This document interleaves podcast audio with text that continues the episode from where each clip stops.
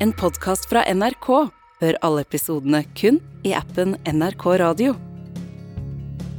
Vi er åtte milliarder mennesker på denne jorda. Hvordan møter du den rette for deg da? Kanskje kan det skje over frysedisken, eller idet du krasjer inn i noen på gata, eller kanskje kan det her skje på en blind date. Følelsesmessig så tror jeg ikke jeg var så veldig til stede, egentlig. Klarte aldri å finne ut av ok, skal jeg være sammen med jenter, eller skal jeg være sammen med gutter, eller skal jeg Hva skal jeg Hva er det egentlig jeg føler? Dette er Viktor Sotberg. Han er programleder og YouTuber. Og det her, det er samboeren hans, Kenneth Karior, og han jobber som miljøpolitisk rådgiver.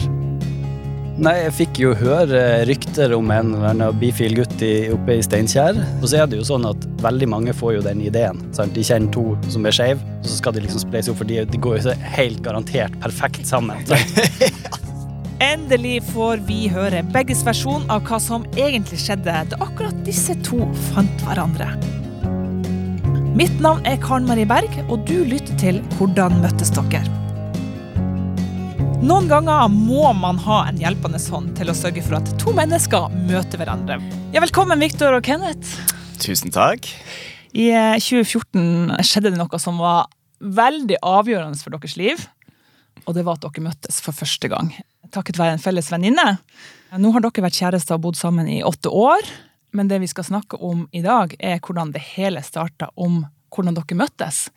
Viktor, hvem var du før at du møtte Kenneth? Eh, hvor var du i livet, både følelsesmessig og, og rent praktisk? Åh, følelsesmessig så tror jeg ikke jeg var så veldig til stede, egentlig. Jeg tror, jeg, var, jeg tror ikke jeg var en så veldig god kjæreste med, med eksene mine, fordi jeg liksom klarte liksom aldri å slå meg helt til ro, eller jeg klarte aldri å finne ut av ok, skal jeg være sammen med jenter, eller skal jeg være sammen med gutter, eller skal jeg, hva skal jeg, hva er det egentlig jeg føler? Jeg klarte liksom aldri å finne ut av det, og da klarte jeg heller ikke å gi meg sjøl liksom 100% til det mennesket jeg var sammen med, på en måte. Uh, og det tror jeg ekskjæresten mine dessverre har fått uh, kjent på. da. Um, så følelsesmessig så var jeg all over the place. Uh, og jeg var jo student på Bordar, så jeg var jo kanskje mer fokusert på liksom, ah, nå studerer jeg musikal, og nå skal, jeg liksom, nå skal karrieren min skal skje. Kanskje jeg var litt mer interessert i det, da. Sjølrealisering, rett og slett. Ja, rett og slett. Men hva det var slags drømmer du hadde for livet, da? Altså, For livet så var vel at jeg skulle bli skuespiller. Ja, Det var den største drømmen min. Det var, Jeg skulle bli skuespiller, og det koste hva det koste ville. Så um, Da skal jeg gå på alle mulige auditions, og jeg skulle få meg en skuespillerutdanning. Og skulle, ja. Så det var vel der på en måte fokuset mitt lå, da. Ikke egentlig den store kjærligheten, egentlig. Og du da, Kenneth, hvor du var hen i livet før, du møtte, før at Viktor kom inn i livet ditt?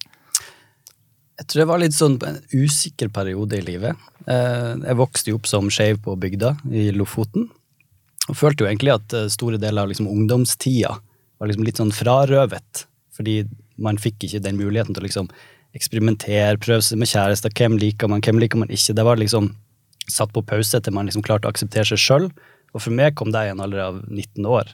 Så jeg tror at jeg prøvde et sånt forhold en gang, før jeg møtte Viktor, eh, men innså at jeg var mer forelska i ideen av et forhold enn akkurat den personen jeg gikk for. Så jeg gikk liksom for det, liksom, den første personen jeg kunne forelske meg i, på en måte. Så jeg tror at jeg var på et litt sånn avklaringstidspunkt der jeg var ute etter å finne ut liksom hva var det jeg ville, og da var jeg ikke så opptatt egentlig av å finne noen, Eh, for jeg var opptatt av at når jeg først skulle forelske meg, så skulle det være den rette. Mm. Wow. Mm. Uh, det må jeg si. Men, men uh, hvilke drømmer hadde du da for fremtida? Oi. Ja, da var jeg på et helt annet sted enn jeg er i dag. Da jobba jeg på oljeplattform, som uh, ja, hadde nettopp fullført læretida. Og jobba sånn turnus der jeg reiste med helikopter ut til en oljeplattform og satt der i to uker, og så hadde jeg litt fri, og så var det to nye uker langt, langt ute til havs. Eh, og så bodde jeg i Trondheim, der jeg liksom levde ut eh, friperiodene mine. Så eh, Var det kollektiv? Var det egen leilighet? Hva Nei, jeg bodde i egen leilighet. Der vi hadde stort sett festa fire dager i uka når jeg var hjemme. Vi måtte liksom ta igjen det tapte fra tiden jeg hadde følt at jeg kasta bort på en oljeplattform ute i havet. Så der var egentlig ganske sånn du kan si litt ville tilstander. Mye fest, mye gøy, mye moro og en stort nettverk av gode venner rundt meg. Hva hadde dere av erfaring fra kjærlighetslivet før dere to møttes? Altså For min del så var det jo veldig sånn Jeg har hatt flere forhold over sånn toårsperioder. Som for meg var liksom at jeg, jeg følte at jeg hadde havna inn i en sånn curse. Hvor jeg liksom hvert andre år så ble det slutt med kjæresten min, liksom. Det var det som skjedde liksom fram til han. Eh, og, og det, men det var alltid jeg som endte. For igjen, som jeg sa, jeg tror ikke jeg var på et riktig sånn følelsesmessig sted til å være sammen med et annet menneske, nesten. Men jeg liksom starta med å ha um, uh, Bli sammen med bestevenninna mi på ungdomsskolen i 10. klasse. Var sammen med hun i to år, og så ble det slutt. Og så ble jeg sammen med en gutt som jeg hadde et hemmelig forhold til i russetida, og så ble det slutt. Og så ble jeg sammen med um, ei kjempeflott jente fra folkehøyskolen min. Så ble det slutt, og så ble jeg sammen med på en måte den første første ordentlige guttekjæresten min. da som jeg også var sammen med i, sånn, rundt to år. Eh, og Han var danser og en kjempeflott fyr, han også. Og så ble det slutt, og så møtte jeg Kenneth. Og så For meg var det bare sånn Jeg følte aldri at jeg virkelig ga hele meg inn i et forhold, for jeg var bare aldri klar for det. Det ble sånn annenhver jente og gutt, nesten, for min del. Ja. Helt håpløst før jeg møtte Kenneth. Men Kenneth, hvordan var det med deg, da? Hvordan eh, erfaring hadde du fra kjærlighetslivet? Jeg hadde hatt to sånn forhold-forhold, som jeg vil liksom betegne sånn nå er vi liksom i et forhold. Det første var da jeg var sånn 14-15. Da prøvde jeg ei jente, var i min mest forvirra periode og tenkte at hvis jeg bare får meg jentekjæreste, så kanskje jeg bare venner meg til det etter hvert. Kanskje jeg begynner å like det. Liksom, det er som når du skal spise oliven for første gang. At du, så den første er ikke så særlig god, men kanskje den nummer 20, så begynner du å like det. Men fortsatt den 20 var ikke Nei, det funka ikke. så, så da var det egentlig ikke noe mer forhold før jeg møtte Før jeg liksom hadde liksom slått meg til ro med at ok, jeg har en annen legning, nå skal jeg liksom bare leve ut det livet. Det må jeg bare eh, klare. Jeg var, følte meg liksom frarøva muligheten til å være i et forhold. Så var liksom den ideen om å være i et stabilt forhold og liksom få en kjæreste Det var liksom noe jeg var så opptatt av. Jeg, men jeg var ikke så kritisk til hvem det nødvendigvis var. Så det var et uh, turbulent forhold som vara i nesten to år, tror jeg. Ja. Men det var, det var, ikke et, et sunt forhold. Men fortell eh, første gang du fikk høre om Viktor, eh, Kenneth, da han eh, streifa innom. Ja, nei, jeg fikk jo høre rykter om en eller annen bifil gutt i, oppe i Steinkjer, som bodde i Oslo, av min beste venninne. Fordi det var jo da søskenbarnet til Viktor. Som hadde sett at her har jeg liksom to personer i min eh, indre krets som eh, kan bli et, et, godt par. Og så er det jo sånn at veldig mange får jo den ideen. Sant? De kjenner to som er skeive, og så skal de liksom spleise opp, for de, de går jo helt garantert perfekt sammen. eh, og eh, så jeg var jo litt skeptisk, fordi alle er sånn Ja, ja, du kjenner en, en annen skeiv, ja. ja. Ok, ja, det funka sikkert. Men det gjorde det. For hun var jo tidenes Kirsten Giftekniv. Hun liksom bare så personlighetene våre, og at vi kunne gjøre en match. Jeg tror hun jobba i over ett år med å få oss til å møtes. Men var, hvordan var det hun beskrev Viktor for deg, da? Hun beskrev han, han er perfekt for deg. han er perfekt for deg. Og Det var ikke så, så mye detaljer. det var bare sånn, Hun bare så det, og, og liksom det, det ordforrådet hun hadde til å beskrive, det var bare at dette er perfeksjon. Her må du bare gå for det. Eh, dere må møtes. Eh, og, ja. Men du vet, Maiken har noe ekstra følere, hun. Ja. Hun, eh, hun ja. Nei, Maiken Gaup, hun, hun kan saken sin. Ja. Hun burde egentlig starte byrå. Ja, ja egentlig. Ja. Så Hun har en sjette sans på akkurat det. Ja, Men hvordan ble du Victor, oppmerksomhet på at det var en Kenneth her i verden? Det er jo samme dama, da. Det er jo Maiken, uh, mitt søskenbarn, som, uh, som på en måte Du, jeg har en kompis jeg gjerne vil du skal møte. Altså, altså, han er så fin. Altså, han er en nydelig mann. Jeg bare sånn, ja, ok. Jeg var jo, uh, som jeg sa, jeg var jo ikke veldig følelsesmessig investert i noe nesten, og sleit veldig med å finne mine egne følelser, så jeg var sånn, ja, ja, ok, sure. Ja, ja, jeg kan sikkert møte han, og hun bare sånn 'Se på bilder!' og sånn. Jeg bare, ja, det er En veldig kjekk fyr. Han er veldig, veldig tiltrekkende, så kan jo sikkert møte han, liksom. Men jeg hadde ikke noe mer liksom, forhåpninger, eller jeg trodde ikke noe kom til å skje, egentlig. Nei, For da bodde du her, gikk på Bårdar, ja. og Kenneth, du bodde i Trondheim. Ja. Reiste ut på oljeplattform. Mm. Levde livet der. Eh, Det er jo veldig crazy. Når du setter på den måten, så høres det veldig sånn perfect match. Du Ja, skjønner hva Maiken så, sant? Høres ut som et umulig prosjekt. Men sannsynligheten for at hun der og da ville få rett, den var ikke til stede. Verken hos noen av dere, eller tar jeg feil? Jeg var åpen for å møte og liksom se hva som skjedde. Og hun hadde jo prøvd å spleise oss opp en gang i Trondheim, da vi pleier å ha sånn søskenbarntreff. Eh, og da skulle vi møtes dagen etterpå, men da var hun så fyllesyk at hun klarte ikke å få det til å skje. Så da hadde dere lyst til å møtes, da? På dette? Ja, Ja, vi var åpen for det. åpen for det. Det var ikke noe sånn Jeg hadde ikke noe sånn 'Å, det her har jeg kjempelyst til', liksom. For da, da tror jeg jo kanskje vi til og med hadde kunnet møtes møttes uten Maiken. Ja. Men, eh, men ja, det var ikke sånn kjempestor interesse. Nei, vi var avhengig av at Maiken var fasilitator, og Ja. liksom Hun er helt avgjørende for at dette i det hele tatt skulle skje. Ja. Men du sa et år Ja, hun, ja. Eh, Hun jobba i et år. Mm. Hvordan var det hun holdt på underveis, da? Hun prøvde å skape arena der vi kunne møtes, eh, og så drev hun og snakka om sånt, Ofte trakk opp sånt Instagrammen og 'se her, se her'. Men, eh, men hvor mange ganger har dere liksom, opplevd det her før, at dere blir satt opp på en blind date? Har det skjedd før? For min del så har det ikke skjedd før. Men det tror jeg kanskje har noe med miljøet mitt å gjøre. Og jeg er jo i liksom teatermiljø og liksom eh, i veldig sånn eh, kreative miljøer, og der finnes det mye skeive. Man trenger liksom ikke bli set up. Liksom. Man trenger ikke å finne noen, på en måte. Så, så jeg har aldri opplevd det før. Jeg eh, jobba jo da på en oljeplattform, Vel å merke. så eh, det var ikke det overskudd av skeive. I hvert fall ikke som var åpen og synlig. Eh, så, så det var noen som prøvde å, å spleise meg, og jeg hadde jo den erfaringa med at eh, Gode intensjoner bak, men eh, det, her er det ikke nødvendigvis en match. Ja, for kjemi er jo alt. Mm. Og det vet man jo ikke før man har møttes. Det kan jo se veldig bra ut på det her bildet på Instagram, Ja. men det hjelper jo ikke så mye med det bildet hvis det ikke sitter. Nei, det er det. Så Maiken, der hadde hun et eh, Ja. teft. God teft. Ja. Men ok, det er tid for å høre om det her magiske møtet mellom dere to som skulle resultere i et liv sammen. Eh, hvordan møttes dere endelig?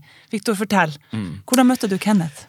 Nei, altså øh, Søskenbarnet mitt Maiken da skulle komme til Oslo, så jeg fikk eh, møtt hun Og da sa jeg at hun dro jo med bestekompisen sin. eh, Så han kom også til å være der når vi møttes, da. Og, eh, Ble du informert om det? Ja da, Eller- jeg visste at han var med. Og, og da skjønte jeg jo òg litt hvem det var, for jeg, hun hadde jo prøvd å fått oss til å møtes før. Så jeg var litt sånn, ja, ok, spennende. Nå, nå får jeg møte han der, da. Han kjente Kenneth, liksom. Så, så da skulle vi møtes og ete, og da sa jeg til dem ja, vi kan jo møtes på Nationaltheatret, da. Og da tenker jeg jo som eh, alltid, og som vi her, som bor her i Oslo, så tenker jeg jo at det er rundt denne den her fontenen utafor T-banestoppet på sida av Nationaltheatret. Det skjønte jo ikke Kenneth eh, og Maiken, så de drar jo inn på Nationaltheatret de og står inni teatret. Og jeg bare Å å ja, ok. Så det er bønder i byen, da. Ja, virkelig. Og da, jeg, jeg bor jo i Trondheim, det er jo også by, men det er bare sånn, ja ja, ok. Så, så jeg drar nå da inn i teatret for å finne dem, og der står nå eh, dem to, da. Uh, Maiken kommer jo springende og klemmer meg en gang, og så kommer Kenneth mot meg da etterpå i uh, Nationaltheatret og bare og skal hilse. da Og da ble jeg ble jo ganske paff, for han var jo på en måte like kjekk som bildene sine, om ikke kjekkere i in real life. For du ter deg veldig bra. Du har jo en veldig sånn tilstedeværelse. Um, så du, um, du fylte uh, hele Nationaltheatret, for å si det sånn. Det var liksom Det var veldig Det var et ganske magisk øyeblikk, egentlig. Jeg ble veldig sånn Å, oi, ok, ja, Mm. hei. Så um, det var nesten litt kult at vi møttes i Nationaltheatret, sjøl om det var veldig teit, egentlig. Herlig, eh, herlig tilfeldighet. Men, Ja. men Kenneth, du er i Trondheim, og så skal du reise til Oslo. Fortell. Hvordan eh, fant ut at ok, jeg skal dra til Oslo og møte Viktor? Hoppa jeg bare på et eh, forslag fra Maiken da, til slutt. Og så tenkte jeg jeg må jo få møte denne, denne Viktor, da. Og så reiste dere til Oslo? Ja. Og da bodde vi på hotell eh, nede i Oslo sentrum, og så eh, fikk jeg jo da beskjed om at vi skulle møte Viktor på Nationaltheatret. Og jeg hadde jo vært i Oslo før, så var det sånn main Og T-bane- beina T-banestoppet. Er det teater, eller? Ja, men hun insisterte. Nei, han sa Nationaltheatret. Så da Du måtte bare steppe opp og stille opp i, ja, i inngangspartiet der, da. Hadde du tenkt på hva du kledde på deg, eller var, det noe, var du nervøs, eller hvordan føltes det? Nei, jeg var litt spent, fordi Maiken hadde jo hypa opp eh, denne Viktor veldig mye. I et mye. år? Så bygde jo egentlig litt sånn fallhøyde. Sant? Han måtte jo på en måte leve opp til dette myteomspunne ryktet som hun hadde vært og spredd i over lang tid. Eh, men jeg eh, følte jo det samme som Viktor. Når han kom inn, så var jeg liksom sånn Oi.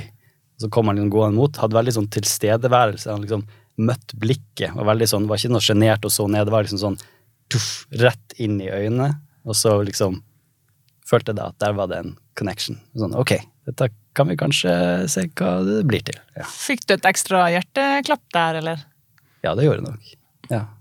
Jeg opplevde det man gjerne definerer som kjærlighet ved første blikk. Altså, jeg, jeg kjente en spesiell følelse i magen. Når Victor så på meg, så fikk jeg en spesiell kribling. Jeg oppdaga med en gang at her er det noe, noe helt spesielt.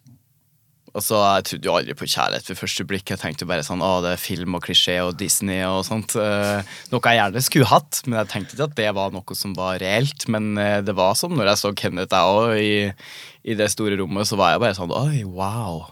Det var en sånn wow-følelse som jeg ikke klarer helt å beskrive. Litt sånn kribling i magen. Og jeg tror det er det de egentlig kaller kjærlighet ved første blikk, på en måte. Hva skjedde videre etter det her Nationaltheatret ble fylt av et eh, øyeblikk? Hva gjør vi- dere da? Jeg tror vi dro på Fridays, jeg. Ja, vi gjorde det. Det liksom- det- Nei, vet du hva vi først gjorde? Vi først gikk vi inn og bare sånn Å, vi skal trenge noe mat, liksom, bare for å komme oss. Så vi gikk inn på eh, Teaterkafeen. Og der var det jo sant, eh, hvite duker, glass og bestikk og virkelig sånn fancy-schmancy. Vi bare Her hører ikke vi hjemme. Så fancy. Så da stakk vi på Fridays. Det var litt mer hjemme. Ja, det stemmer. Men hvor blir uh, Maiken av i det her? Uh, henger hun i lag med dere, eller hva Ja, skjer? ja, ja, hun er med, vet du. Men hun hadde noen veldig lange turer til toalettet ganske mange ganger i løpet av den middagen. Eh, Så jeg vet ikke om det var for å gi oss litt eh, alenetid og få oss til å snakke litt sammen, eh, eller om hun faktisk var på do, men jeg tror nok faktisk at eh, hun prøvde å gi oss litt tid til å bli kjent, sjøl om at hun var hun var alltid der, sånn at det var fortsatt trygt. på en måte.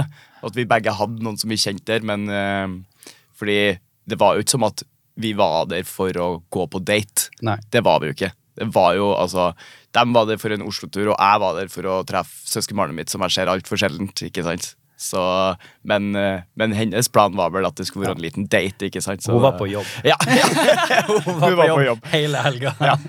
Så ja, nei, hun ga oss eh, nok space til at vi fikk prata nok alene, i hvert fall, og bli kjent, på en måte. Ja. Så hadde hun jo også eh, Vi lå jo på hotell første natta, men så hadde hun leid ei sånn en leilighet, sånn apartment-plass, Ja. nede på Grünerløkka. For Victor bodde jo i kollektiv. Mm. Og da, jeg vet, jeg vet ikke om dette var en del av hennes masterplan, men i hvert fall få oss inn i dette, denne leiligheta, da. Mm. Um, over der Syng ligger nå, eller Ja. ja. Akerselva. Ja. Og der uh, tilbrakte vi egentlig hele først, altså lørdagen. Mm. Så vi, jeg klarer ikke å huske at vi gjorde så veldig mye mer enn å være i den leiligheta. Vi var bare Prat, og der, vi dansa, forsa og vi sang og, og forsa og drakk og, og- ja. spiste sushi med take. Altså, det var liksom, Vi skulle være der. Mm. Og nå når jeg tenker på det etter det, så bare, var ikke det litt rart? ja, at vi ikke dro ut noe sted. jeg var først i Oslo, og så bare ja, Ja. vi bare henger i den leiligheta. Igjen, vet du. Ja, Det var ja. hun som bare stengte oss inn i en leilighet sammen, alene. Og så Og dere to alene der? Nei da, hun, Hun var der. også. Hun var der. ja, ja. Men eh, ja, det var vel for at vi ikke Jeg vet ikke, jeg skulle ut og få liksom bli for eh, opptatt med andre ting. Ja. Skulle bare være oss. Skulle ikke bli distrahert. Nei. Hun var på jobb. Hun Ja. var på jobb. Hun var på jobb. Om. Men uh, det første kysset, når kom det? Nei, det kom jo eh, på natta, det, da. Ok, den er grei! Ja. Ja. Men det var bare et kyss den natta. ja. Fordi vi lå eh, jo faktisk alle tre i samme seng. Ja, alle slokner etter man, når man har drukket, og så har man drukket fra vors til fest til nach. ja. I samme leilighet, liksom. I ett, liksom. Og da, ja. Og Ja. da sovna vi alle tre i den senga, og da eh, lå vi bare der, og så plutselig bare smøg jeg meg nærmere og nærmere eh, Kenneth, egentlig. Og så bare kyssa vi, og så var det sånn mm, Ok. og så var det det, Ja. liksom. Så det var første kyss. Ja. Men dere, eh, dere tilbringer det her, eh, helga i lag. Uh, I denne leiligheten på Grünerløkka. ja. Men så går dere jo ifra uh, uh, denne leiligheten. Og hva er det dere da Hva er det som går gjennom hodet deres da? Liksom, hva tenker dere om det dere har vært med på da? da? Jeg tenkte vel som så at eh, Ja, nå har vi liksom møttes, men altså, jeg hadde jo egentlig planlagt å reise ut i verden. Jeg hadde bestilt uh, tur til eh, Puerto Rico, og jeg skulle til USA i seks uker. Altså, jeg, liksom, jeg hadde på en måte fremtidsplaner, og så liksom ikke helt hvordan dette skulle passe inn i liksom det videre måte, perioden i livet mitt. Men jeg husker at det var én ting som var avgjørende for meg, og det var at jeg hadde kjøpt en sånn fleksibillett, sånn som man liksom måtte beepe inne på trikken som jeg ikke har fått brukt. Og liksom den siste eh, liksom på kvelden på søndagen, når vi går hjem til den leiligheten, så sier jeg til Victor at den kan vel du ta, fordi du har mer bruk for den enn meg, for jeg skulle mest sannsynlig ikke tilbake. Så han, nei, den må du beholde til neste gang du kommer. Mm. Så var det liksom et signal om at han ville gjerne at jeg skulle tilbake. Da. Mm. Men ikke sant, Dere er jo i begynnelsen av 20-årene begge to, og nå har liksom deres veier de er blitt kryssa. Eh, og nå er det jo opp til dere hva som skal skje videre. Det er jo Søskenbarnet ditt Victor, og venninna di hun har gjort jobben sin. Ja. Nå er det opp til dere hva som skal skje videre. Ja. Eh, hva skjer så? Mens jeg satt på oljeplattform på nattskift, satt på et skittent kontor i en sånn oransje kjeledress fullt av olje med en rørtang i den ene lomma og en skiftenøkkel i den andre, med sant? hjelm og vernehansker og alt. Satt og liksom chatta med Viktor. Det er så rart for meg å høre det. Jeg klarer ikke helt å se sånn satt jeg sånn. når vi liksom satt og flørta på Det var bra at han så bare profilbildet mitt, og ikke meg i full utrustning. Jo, det har sikkert funka, det òg. Hva dere chatta på da? Hva det var slags uh... Det var Facebook. Facebook. Facebook, ja. Eh, Ja. Messenger. Ja. Ja. Eh, og da var det liksom sånn, ja, hyggelig og koselig og alt sånn, og så prøvde jeg liksom å hinte på sånn, mente du egentlig at du ville at jeg skulle komme tilbake? Fordi um, jeg hadde leid ut leiligheten min i Trondheim, så jeg hadde egentlig ikke noe plass å bo. Jeg hadde bare planer om å liksom reise en periode. Så da tenkte jeg at det var jo et fint eh, sånn mellomstopp når jeg kom hjem fra plattform, og liksom bare være i, være i Oslo noen dager. Og da var det jo spørsmålet, Jeg kunne jo bare invitere meg hjem til Viktor, men liksom hinta på at han kunne invitere meg igjen. Kunsten å hinte. Kunsten og hint eh, Ja. til å få bo i kollektivet med Viktor og, Ja. og vennene sine. Kjempepopulær. Ja, ja. ja, nei, dem syns ikke jeg var noe problem i det hele tatt. Det var jo, var jo ikke snakk om noe lenge. Så. Men også, hva skjedde? Kom du deg til Oslo i kollektiv til Victor, eller? Jeg gjorde det. Mm. Og da du inviterte meg på første ordentlige date. Ja. Mm. Oi! Så han, han inviterte meg på første ordentlige date, og han visste at jeg elska sushi. Så da inviterte han meg på Alex Sushi på Tjuvholmen. Ah. Og det var fancy for en liten musikalstudent for å si det sånn, som levde på sånn 30 kroner dagen. og levde på Grandis og nudler, liksom. Så ja, så ja, han tok med meg på um, Alex Sushi på Tjuvholmen. Den er jo ikke lenger nå, men da, da var det der. Så da dro vi jo dit og spiste og drakk god vin og, og sånn. Og så Her er det så klisjé. Her er, her er klisjé. Nå, nå kommer Kenneth til å bli skikkelig flau. Men vi satt vi, vi satt opp med vinduet, og så syns jeg Jeg elsker Akershus festning. Det er en av mine favorittsteder i hele Oslo. Og det så vi jo rett på, ikke sant? Så jeg bare sånn Å, herregud, jeg elsker denne utsikten her. Jeg digger liksom Akershus festning. Og så ser han meg dypt inn, og så bare sånn Det er jeg som har den beste utsikten. Fordi han stirra på meg. Det er så cheesy! Det er kjempecheesy! Og da, hva du sier da?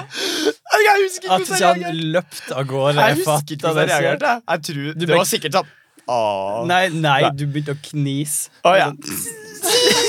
ok, det var enda mer Ja, vi var virkelig den ene blinde Ja, forelskelsesperioden. Ja, det var Der alt er lov. og takk Gud for deg, for ellers så jeg hjelper meg. Etter den fine daten på Alex Sushi med Akershus festning i bakgrunnen. så skulle jo du, Kenneth, dra. Eh, hva tenkte du om det, Viktor? Nei, Jeg syns det var veldig kjipt. Du vet jo, Når man først er sammen, sånn, så går jo tida kjempefort. Så jeg følte bare at jeg hadde så vidt fått liksom tilbringt litt tid med han alene igjen. For dette var jo første gangen vi var ordentlig alene, bare oss to. Så jeg skulle jo virkelig ønske at jeg fikk mye mye mer tid med han. Altså Når du er nyforelska, så vil du jo bare være med den personen hele tida. Så det var litt eh, Det var litt tidlig for meg at han skulle dra med en gang. Nei, Jeg skulle jo da reise videre med et eh, fly neste dag. Eh, men det rakk jeg ikke. Han skulle videre til Puerto Rico. Mm. Som Når vi ligger og sover, og sånn, så klarer han jo å forsove seg til flyet sitt til Puerto Rico. Så okay. du dro jo aldri til Puerto Rico. Nei. Du blei noen eh, eller noen ekstra dager til meg. Fordi Ja. Jeg var litt sånn Oi, shit, hva gjør jeg nå? Flyet Oi. mitt som jeg skulle være med på, og hotell og alt sånt, det, det rakk jeg ikke. På grunn av Viktor? På grunn av Viktor. det, og, så det var litt sånn Kan det få være et par dager ekstra til jeg finner meg en plass å dra og noe å Og gjøre? jeg bare Å nei! Åh. Det var dumt at du ikke fikk tatt det flyet, Jeg da. er sikker på at du skrudde alarmen. ja, og det var egentlig hell i uhell, fordi jeg føler at det var de siste to dagene at vi liksom ble enige om at dette var noe å satse på. Ja. For jeg husker jo at liksom, før jeg da dro videre til Costa Rica i stedet, Ja. så, eh, så ble vi da enige om at uh, vi skulle på en måte møtes når jeg kom tilbake fra Jeg skulle reise i to måneder eller noe sånt. Mm. Uh, og da skulle vi på en måte ja, Skulle vente, da. ja. Skulle prøve oss, da. Prøve oss. Men hva er det man blir enige om da? Altså, hva, hva er det det går ut på? Nei, jeg Det var jo du som spurte. Jeg husker du, når vi satt i den der slitne, ekle, gamle sofaen i det kollektivet, og du bare plutselig spurte sånn Ja, er vi, er vi eksklusive i noe der? Ja. Eksklusiv. Eksklusiv. Jeg bare eh, Ja, vi er vel det. ja. Og det var jo rett før du skulle ut på tur. Herregud, det kunne hende at du hadde kosa deg med mange utenlandske menn på den turen der. Og nå, liksom. Men ja. Greit å avklare litt. ja, men det, jeg syns det er greit. Som forventningsavklaring tror jeg er veldig viktig tidlig i et forhold, fordi da unngår man masse misforståelser. Ja, og det tror jeg jo var bra, fordi at for min del, jeg forventa jo ikke at du skulle tenke at vi skulle være eksklusive når du dro på den turen der. Og skulle være borte og reise i to måneder og liksom barskole og ut og feste og kose deg liksom med masse kule folk. Jeg forventa ikke det. Og hvis at du ikke hadde gitt meg liksom det tegnet, så hvem vet jeg, kanskje jeg, da hadde jeg sikkert dratt på kanskje andre dates eller møtt andre folk, jeg også, ikke sant? Og så, hvem vet, da hadde vi kanskje ikke sittet her i dag, liksom. Nei. Det var rett og slett et sånn sliding doors-moment. Ja, egentlig. Altså, tenk så mange tilfeldigheter som skal til for at to mennesker skal være sammen. Du reiser ut, og hvordan foregår kommunikasjonen? Hvor mye lyst hadde du å reise hjem igjen på denne um, fantastiske reisen du egentlig skulle ha? Ganske mye, egentlig, for det var liksom sånn Jeg var i eh, Mellom-Amerika, men hodet mitt var fortsatt i Oslo. Så vi holdt jo kommunikasjon via Snap. Vi snappa vel ja, 24 timer i døgnet hele perioden jeg var der. omtrent. Og så la han ut mye sånne greier og sånn på Instagram. Det er også klisjé. Sånn, at han sitter og, øh, sitter og ser utover stranda, og så bare sånn Tenker på en spesiell someone, liksom. Oh, ja, det er Så- sant, jeg gjorde det. Så det var jo for, for min del. Men det var deilig for meg egentlig og, at du la ut sånne ting, for da visste jeg sånn Det var jo en anerkjennelse for meg at sånn, ok, han, han tar faktisk og tenker på meg sjøl om han er ute og reiser på de her fantastiske stedene og treffer masse kule folk og sånne ting. Så visste jeg på en måte at han fortsatt tenkte på meg, da. og sendte meg et bilde der han har laga hjertet Victor i sanda. Jeg var så håpløs. Åh. Men eh, du, Victor, var du bare sånn straight, cool guy Nei. som bare takla det her med den største ro?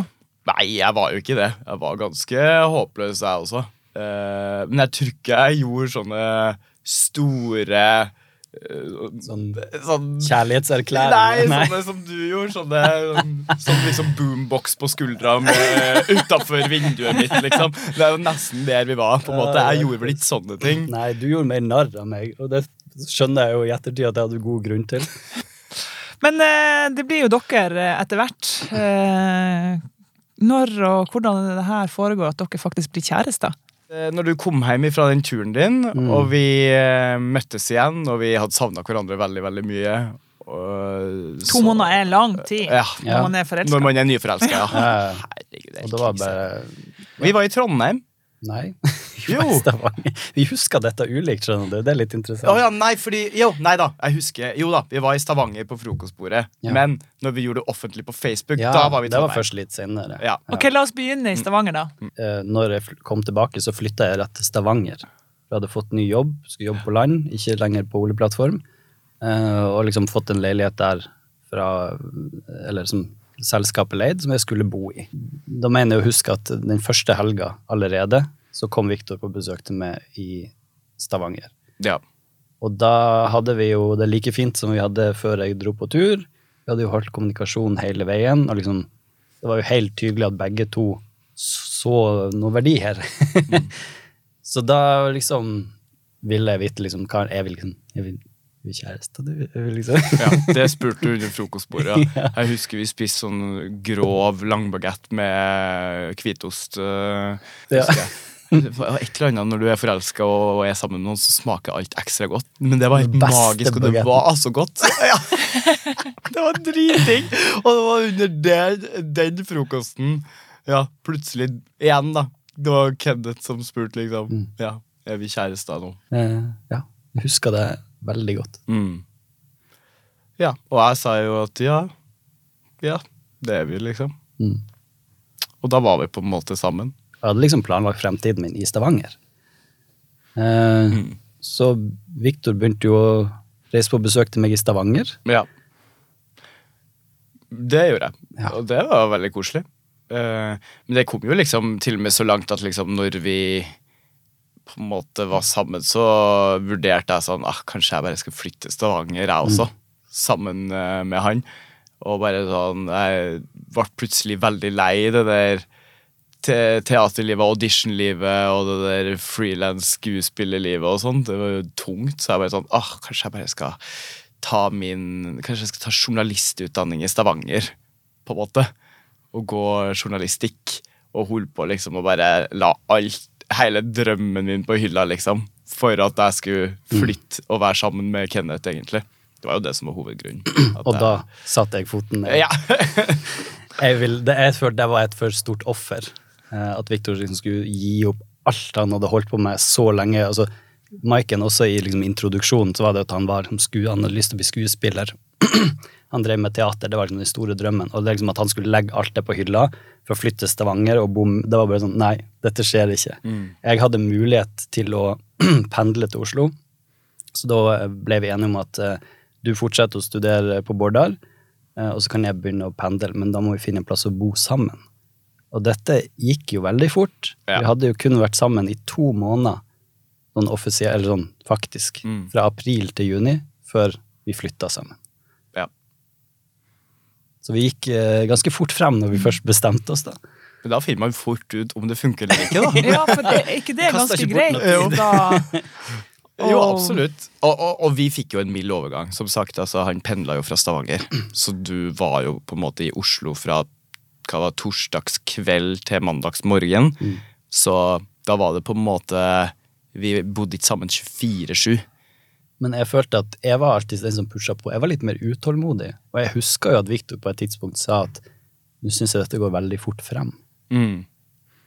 Ja, jeg sy- syns jo det. Også, det Det gikk jo veldig fort frem, sånn Ja. objektivt sett. Veldig fort frem. ja, når vi flytt, skulle liksom flytte sammen og hele pakka etter så kort tid. Altså, det gikk jo veldig fort. Og jeg eh, begynte å panikke litt med å tanke på mine tidligere forhold og sånt. Eh, og bare sånn, herregud, det her, her nå eh, Det er ikke sånn jeg er vant med liksom, at forhold skal gå. Det tar vi oss tida vår, liksom. Men eh, det gjorde jo ikke vi. Nei. Gikk megafort. men hvorfor sånn helt konkret var det det at du var liksom redd for at det gikk for fort frem? Ja, altså Jeg var litt sånn men Tenk om vi fortsatt er for forskjellige. Tenk om det ikke er oss. Tenk om at når det går eh, to år, så er vi ferdige igjen. Og, så, eh, og da Tenk så mye mer komplisert det er når, når man har liksom skapt så mye ting sammen, og gå fra det. Skjønner du? Så jeg det var liksom lenge var sånn Nei altså at vi skulle flytte sammen og alle sånne ting. Da blir det også mye vanskeligere hvis det skulle bli slutt. Det var nesten som at jeg Forberedte på ja, forberedte meg på at det her kom ikke til å holde lenger enn to år, liksom. Det- Som mine tidligere forhold. ja, Og det husker jeg de var veldig opptatt av. Den ene toårs, magiske toårsgrensa. Jeg tror til og med du kalte den for det. Så jeg husker at når jeg liksom er nærmere to år, så begynte jeg jeg ble liksom stressa. Fordi du var liksom sånn Alle forholdene vart akkurat to år, og så tok det slutt. og så så jeg var liksom sånn, ok, vi får prøve å nå denne magiske grensa, og kanskje eventuelt slå den. Så jeg husker jeg var veldig fornøyd når vi hadde vært i sånn to og et halvt år. Jeg bare, yes! Klarte å overkomme det. Ja. For dere var jo veldig unge, Ja. med tanke på at dere har vært lag så lenge som dere har vært. Mm. Eh, Det er jo bare, og det, det å velge hverandre så tidlig, for da er det jo mange som tenker at nei, åh, nå har jeg bare lyst til å være singel. Og, Ja. og det var jo egentlig det dere begge to i utgangspunktet hadde en tanke om. ja. Eh, Men hva er det som gjorde at dere da forandra mening på det? Og tenkte sånn, ok, det her vil jeg gå for. Jeg vil gi opp det singellivet, og så går vi for hverandre i stedet. Nei, jeg kjente det at her er det noe helt annet. Jeg hadde jo vært på dates, jeg hadde jo data mange, men det var jo liksom sånn Tinder hadde jo akkurat kommet på den tida. Det var liksom sånn, ja, det er, det er så masse muligheter der ute. og liksom Prøve her, ja, og gøy en periode, noen uker, og så går du videre. og så, sant? Men her var det et eller annet spesielt, noe jeg ikke liksom fikk helt grep på, som var annerledes enn alle de andre datene jeg hadde vært på tidligere. Og det var der jeg liksom ble litt sånn. Jeg må liksom finne ut av dette, tenker jeg. Hey, Victor, hva, hva tenkte du? Nei, jeg tror jo bare det var hele pakka som var så fint og så spennende. Altså, man ble litt sånn øh, blind av nyforelskelse. At jeg på en måte sånn Herregud, jeg drita i singellivet. Når at øh, på en måte Jeg er sånn som følger følelsene mine veldig mye akkurat sånn som de er der og da. Jeg er et følelsesmenneske og lar følelsene mine styre meg. Og når jeg er så nyforelska og kjenner at jeg blir så dratt mot et menneske som jeg blir, så da driter jeg i alt det andre. Liksom. Da går jeg dit jeg kjenner følelsene mine trekker meg. på en måte. Det er sånn jeg funker, egentlig. Men hvordan har du klart å holde det da, at dere har gått for hverandre 100 og ikke sett dere tilbake? Tida har gått sabla fort. da. Jeg føler ikke at det har gått åtte år. for å si Det sånn. Det er kjemperart å si at vi har vært kjærester åtte år, fordi eh, det, er bare, det føles ikke ut som vi har vært sammen i åtte år. Nei, og jeg merker jo sånn når vi snakker med folk liksom, Hvor lenge har dere vært sammen? Så forventer jeg at vi skal si sånn Nei, halvannet år, to år Men liksom, når vi sier åtte, nesten ni år de, altså, Du ser liksom haken Ja. falle ut av gullet. ja. Alle blir sånn Hæ?! Ja. Mm. Så ja, jeg vet ikke, Da bare føltes veldig naturlig, egentlig. Mm. Og så har vi liksom bare egentlig alle valg vi har tatt siden den gang, hvor vi var veldig forskjellige og sto liksom helt i ulike verdener, har jo egentlig bare bringt oss mer og mer sammen. Men Ja. Så masse sånne små milepæler og sånn veikryss som liksom bare har egentlig ja, bevega oss i, i, i samme retning. Ja. Men det at Victor, du var jo ikke kjent da dere møttes, eh, men så eksploderer det jo rundt deg. Eh, hvordan har det vært for deg da, Kenneth, å oppleve at du hadde en anonym kjæreste til å bli en sånn hele Norge kjenner til? Fordelen er at det har vært en litt sånn gradvis utvikling. Altså Han starta jo opp YouTube-kanalen sin i, i den sofaen i den leiligheta vi bodde i på Grünerløkka. liksom Der han satt og hadde bouncy sofa og satt og laga noen gøye videoer. Jeg ble sånn, ja ja, Han hadde snakka om at han hadde lyst til å lage YouTube-kanal lenge. Og så var jeg liksom sånn, jeg selvfølgelig skal være støttende kjæreste, men jeg må jo innrømme at det var sånn, ja ja. YouTube, hva kan dette bli til, liksom? Så Victor var jo bare drevet av sin lidenskap for å lage innhold. Uh, og det har jo bare gradvis utvikla seg til der han er nå. Det fortsatt den samme drivkraften, og det har bare fortsatt å bygge på seg. Så ja. Men det er jo Altså, vi er jo en helt annen plass nå. Det er fundamentalt annerledes liv i dag enn vi hadde da vi møttes for åtte år siden. Mm. Så det har jo så klart skjedd kjempemye på de åtte årene. Men kanskje det er derfor det føles ut som at eh, det har gått så fort òg, for det har bare gått liksom i ett. Det er bare sånn ding, ding, ding, ding, ding, ding. Og vi har bare liksom vært i livene til hverandre hele tida, på en måte. Det, ja. Og det har bare vært naturlig og fint. Det har liksom ikke føltes ut som at eh, nå, nå er man et sted hvor det liksom er sånn Nå passer ikke du inn lenger. Jeg føler det er liksom det som er forskjellen når man kjenner at det ikke begynner å funke lenger forholdsmessig. Så er det liksom sånn Nå passer ikke du inn i livet mitt lenger, eller nå passer ikke vi inn i hverandres liv lenger. Men det har aldri vært sånn for oss. Vi har alltid liksom passa veldig godt sammen i livene våre, sjøl om vi har gjort forskjellige ting. Hvor mye betyr det å ha hverandre til hverdags og til fest? Ja, det er ganske vesentlig. Ja. Altså For min del er jo Kenneth min store trygghet, på en måte. Om der jeg alltid vet at jeg kan puste. Jeg puster ganske lite. Jeg er veldig dårlig til å puste generelt i livet. Men jeg er alltid når uh, sammen med Kenneth, så vet jeg i hvert fall at ah, ok, nå puster jeg. Nå slapper jeg av. Nå liksom Det er ingenting som forventes av meg. Det er liksom Her er jeg trygg og god, på en måte. Ja. Jeg tror til hverdags og til fest er nøkkelordet. Fordi jeg tror jeg skaper en slags stabilitet i hverdagen til Viktor. Mens han også utfordrer meg på å komme litt ut av det trygge vante i sofakroken. Ut og møte folk. Og så er han jo eh, best på fest. Eh, Han er liksom tar rommet og sørger for at alle har det bra, og da kan jeg liksom slappe av litt og bare liksom være til stede. Eh, Og det er en rolle jeg trives veldig godt i når vi er ute blant folk. Ja. Jeg er veldig glad for at jeg spurte om eh, hvordan dere møttes. Takk for at dere kom hit. Takk for at vi fikk komme. Tusen takk. Veldig koselig. Denne podkasten er produsert for NRK av Monday Production. Musikken er Gone Tomorrow med Lambchop. Produsent er Thea Misvær Holm. Klipper er Kristoffer Andreassen. Prosjektredaktør i NRK er Ole Jan Larsen. Og mitt navn er Karen Marie Berg.